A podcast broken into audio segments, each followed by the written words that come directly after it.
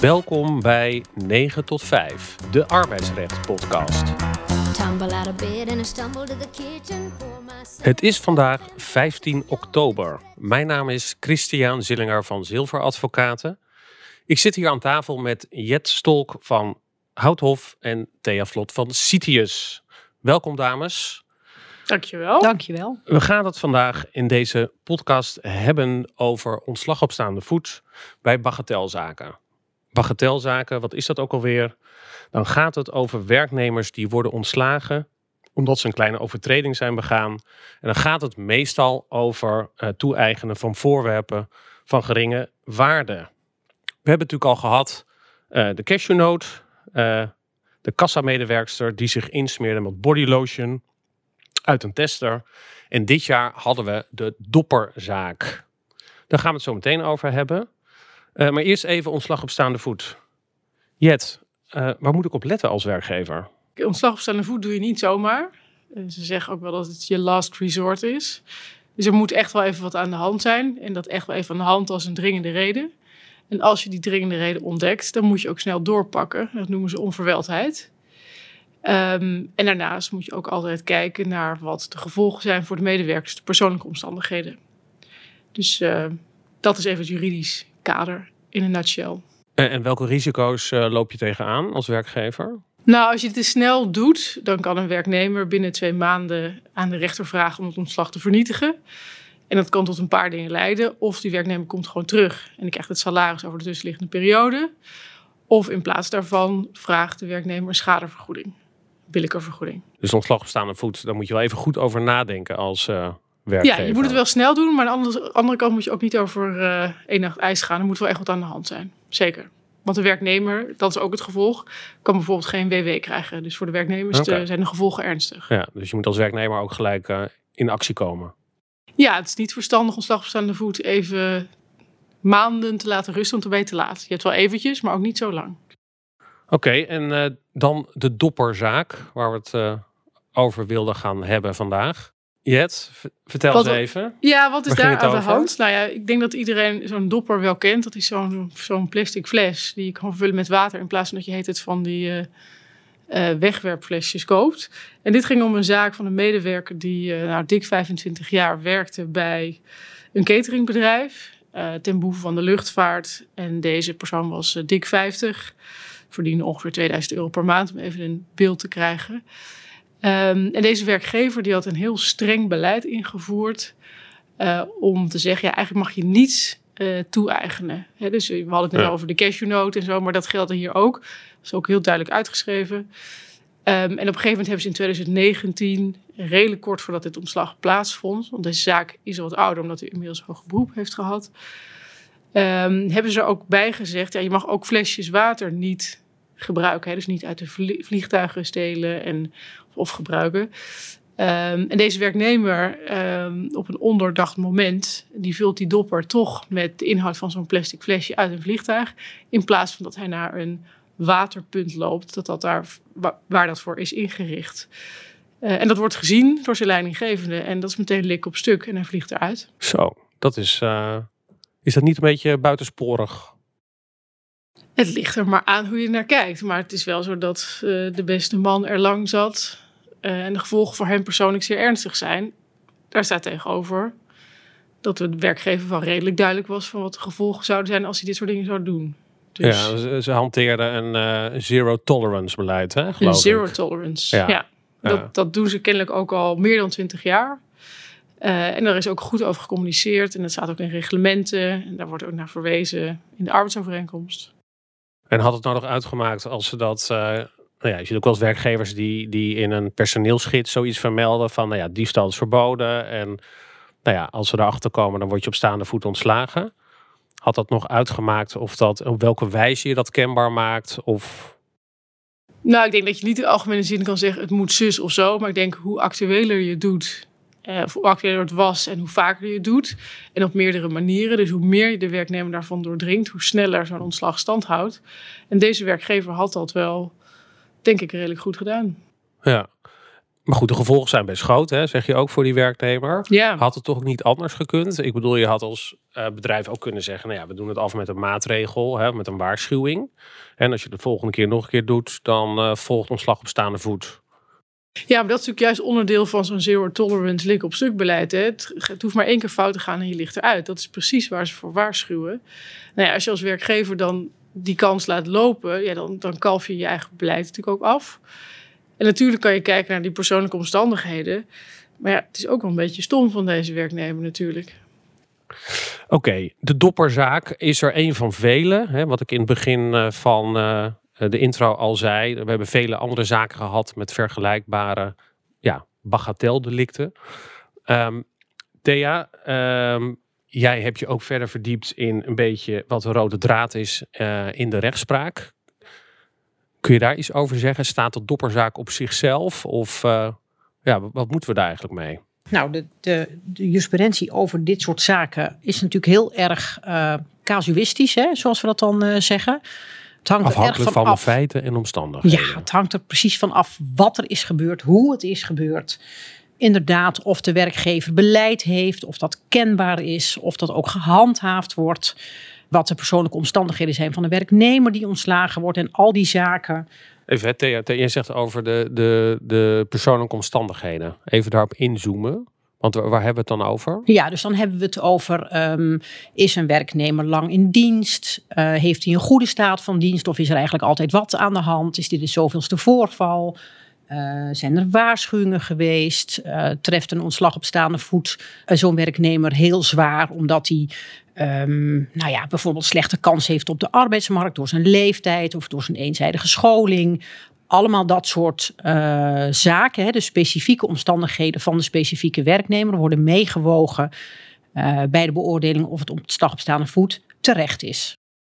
Maar goed, bij de dopperzaak eh, maakte dat voor de werknemer niet veel uit. Want hè, die had een lang dienstverband, was ook al op leeftijd. Ja, Had volgens mij ook een vrij onberispelijk dienstverband, maar toch ontslagen. ja. Hoe nee, zit dat, dat, klopt. dan? Nou, is, er zijn ook wel uitspraken eh, waarin duidelijk wordt gemaakt dat de persoonlijke omstandigheden van een werknemer ehm, niet per se altijd, hè, zelfs als er persoonlijke omstandigheden zijn die zodanig zijn dat je zegt van goh, deze werknemer, daar had je misschien iets voorzichtiger mee moeten zijn. Dat weegt niet altijd eh, zwaarder. Het weegt mee, hè, dus de eh, kantonrechter die de zaak moet beoordelen of het hof in hoger beroep eh, gaat een oordeel geven eigenlijk eh, of de werkgever voldoende belang had bij een eh, ontslag en of het belang van een werknemer, dus die persoonlijke omstandigheden, eh, hoe die daartegen opwegen. En het is natuurlijk niet zo dat je als zeg maar zielige werknemer altijd aan een ontslag op staande voet zou kunnen ontkomen, omdat je zielig bent. Dus Ziek, er wordt gekeken. misselijk bent. Ja. Ja, er wordt gekeken naar ehm, nou ja, hoe, hoe belangrijk was het eigenlijk ook voor de werkgever. Hè? Dus het zero tolerance beleid, wat je net zelf al noemde. Dat is belangrijk. Hè? Als je natuurlijk een regel hebt eh, intern ehm, die luidt: eh, je mag absoluut niet stelen, ook al is het een pinda.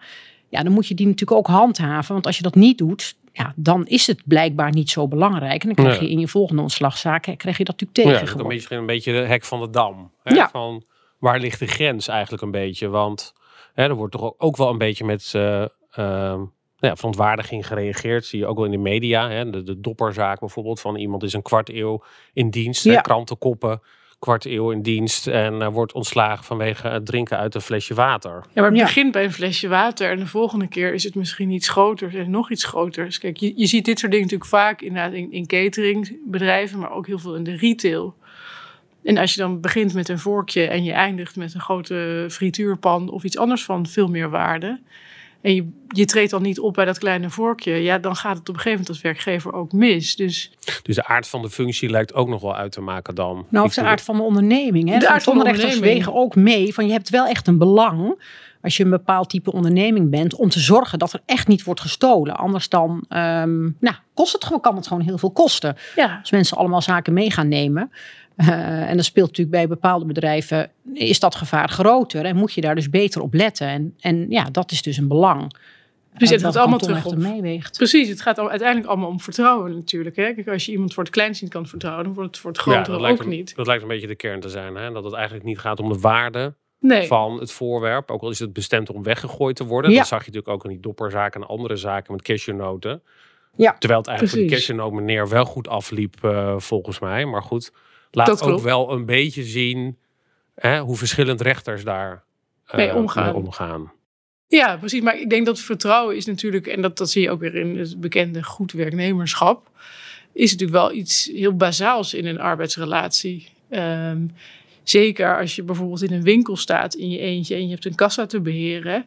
Daar zit geld in. Ja, als je er niet van uit kunt gaan dat die medewerker het zijn handen daarvan af blijft, dan zit Ent wel redelijk zoek. Dus dan snap je wel dat werkgevers een hele duidelijke streep in het zand zetten. En wat, kan ik nou als werkgevers die natuurlijk allemaal om, luisteren naar deze podcast. eh, wat kan ik dan het beste doen? Hoe kan ik voorkomen dat mijn ontslag onderuit gaat bij een rechter? Hè? Want kennelijk wordt er verschillend over gedacht. Je hebt strenge leer, minder strenge leer. Wat Ja, zijn een nou, beetje de do's en don'ts? Het beleid is dus heel erg belangrijk. Hè? Dus dat je kenbaar maakt in je onderneming eh, dat je diefstal, eh, hoe klein dan ook, hè, en ook van spullen die al bestemd zijn om te worden weggegooid bijvoorbeeld, eh, dat je dat niet accepteert. En dat je eh, zorgt dat mensen dat beleid dus kennen. Hè? Dus je moet op een of andere manier eh, ook kunnen aantonen dat het bekend is. Dat was geloof ik ook in die. Ja. hè? Dan hadden ze geloof ik, er stond niet alleen ergens op een papiertje, maar er waren ook trainingen en, bijeenkomsten van werknemers waarin er keer op keer op gehamerd werd. Dit is Als ons je beleid. dit doet, Ja, volg op staande voet. Dus die, die Ja. meneer kwam er niet mee weg dat hij, geloof ik, had gezegd van, nou, het was me niet helemaal Was duidelijk. Of, vakantie of, zo. Ja, en hij zei ook een leesvaardigheid is niet super, zei hij. Ja. Eh, en, dat, en dat soort Wel, dingen. wel een slimme natuurlijk. Nou, op zich is het wel een aardig bedacht verweer, denk ik. Alleen het, het helpt niet altijd. Kijk, eh, je ziet ook vaak in, in eh, supermarkten, als je daar gaat kijken in de koffiekamer, daar hangen inderdaad ook hele grote borden vaak van dit mag niet en dit is ons beleid. Eh, Sterker nog, er hangen soms tv's waarin 24-7 bij wijze van spreken een bandje rondgaat waar een van de boodschappen is, doe dit niet. Dus hoe eenvoudiger je het over de bühne brengt, ook gelet op het niveau van je medewerkers, ja, hoe makkelijker het. Hanteerbaar Beetje wordt. Amerikaanse toestanden lijkt het, maar Ja, sommige werkgevers gaan er dan ook wel weer erg ver in. Het moet ook wel een beetje gezellig blijven, denk ik dan. Maar ehm, Nee, maar als je dus ergens Ja. een handboek ooit hebt gemaakt, wat, eh, wat ergens op het intranet staat, wat, wat, waar niemand Ja. eigenlijk ooit op kijkt, hè?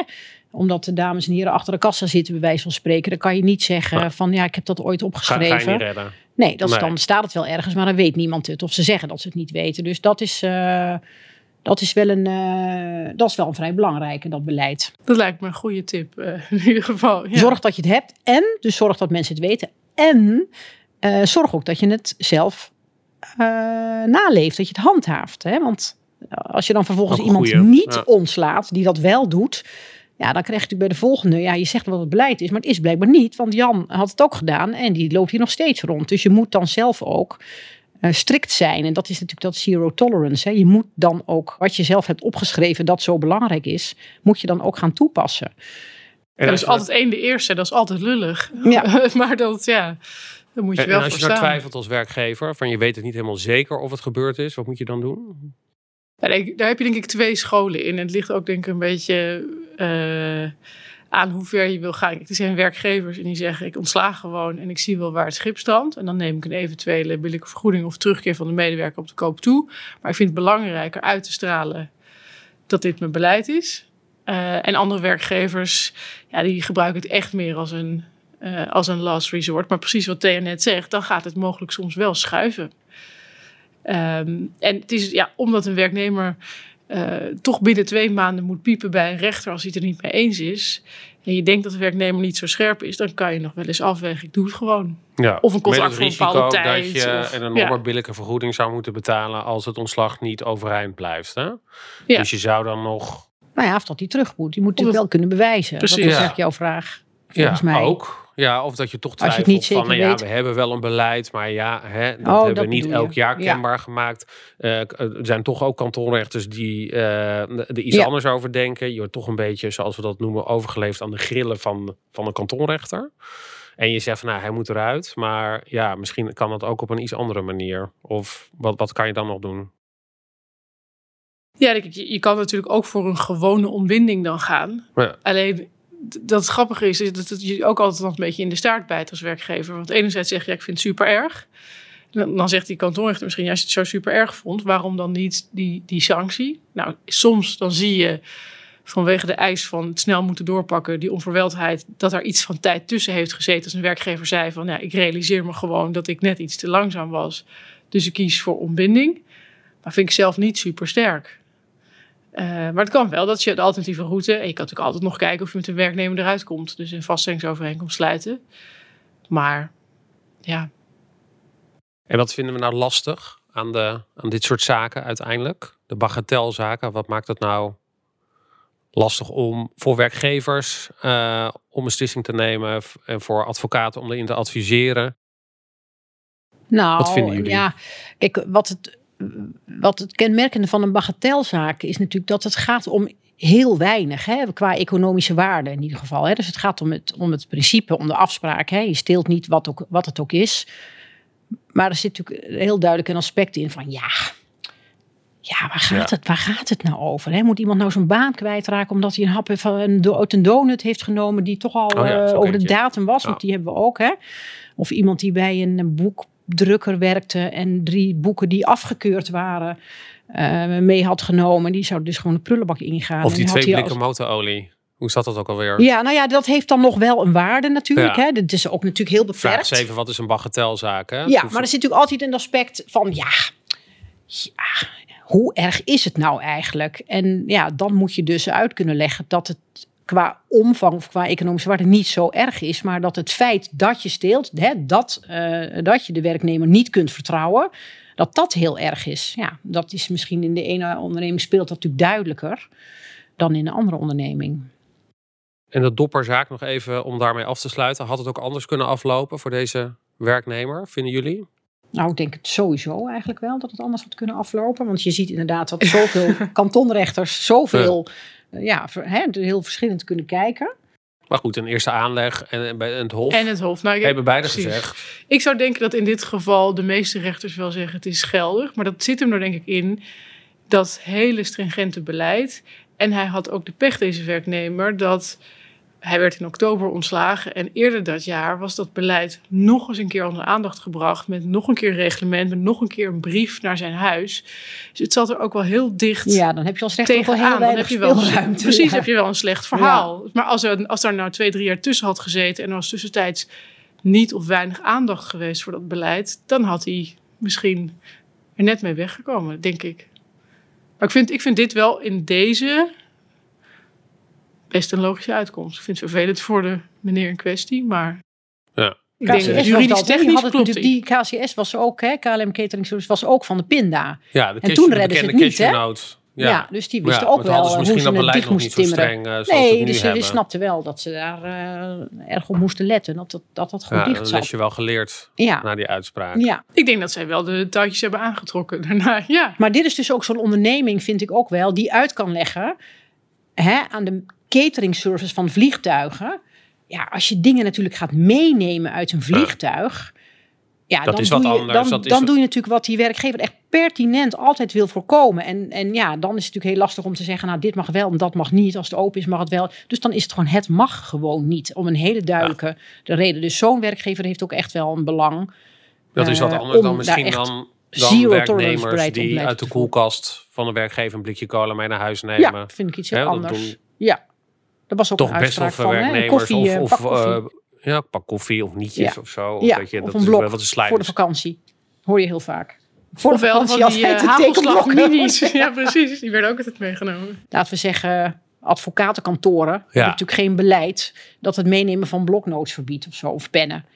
Dat snap je wel. Dat is toch een hele andere setting Andere dan, eh, business. Dan de supermarktmedewerker die eh, met personeelskorting gaat kopen voor de vader. Want die kwam ik ook nog tegen. Ja, dat is ook een bagatel die ligt. Want zij kreeg korting als ze voor zichzelf iets kocht bij de supermarkt. Maar ja, toen, toen kwam haar vader met haar klantenkaart. Of ik weet niet precies hoe het ging. Ja, dat is dus niet voor jezelf iets kopen. Ontslag op staande voet vanwege ba- bagateldelict blijft een lastig onderwerp. Ehm, nou ja, zoals we besproken hebben, er wordt door verschillende rechters uh, anders over geoordeeld. Maar we kunnen toch wel een beetje een rode lijn ontdekken, denk ik. We kunnen toch wel constateren dat ja, als een werkgever een, uh, een streng beleid voert, een zero tolerance beleid en daar ook uitvoeren aan geeft, dat hij dan toch uh, nou ja, goede kansen maakt bij een rechter, in ieder geval een sterkere zaak heeft. Ik denk wel altijd belangrijk is om per geval um, ja, de persoonlijke belangen en omstandigheden van een werknemer mee te wegen. En dat ook mee te nemen in de beslissing om wel of niet op ontslag op staande voet over te gaan. En dan zeggen wij natuurlijk altijd, dan moet je ook van tevoren je advocaat raadplegen. Maar dan spreek ik natuurlijk een beetje voor eigen parochie. Dit was 9 tot 5. Bedankt voor het luisteren. Ik wil eh, Jet en Thea graag bedanken voor jullie bijdrage. Mijn naam is Christian Zillinger. Binnenkort is 9 tot 5 weer terug in een andere samenstelling. Iedereen kan onze website bezoeken op www.9tot5podcast.nl. Alle afleveringen zijn terug te luisteren op de website, Spotify en Stitcher. Ciao.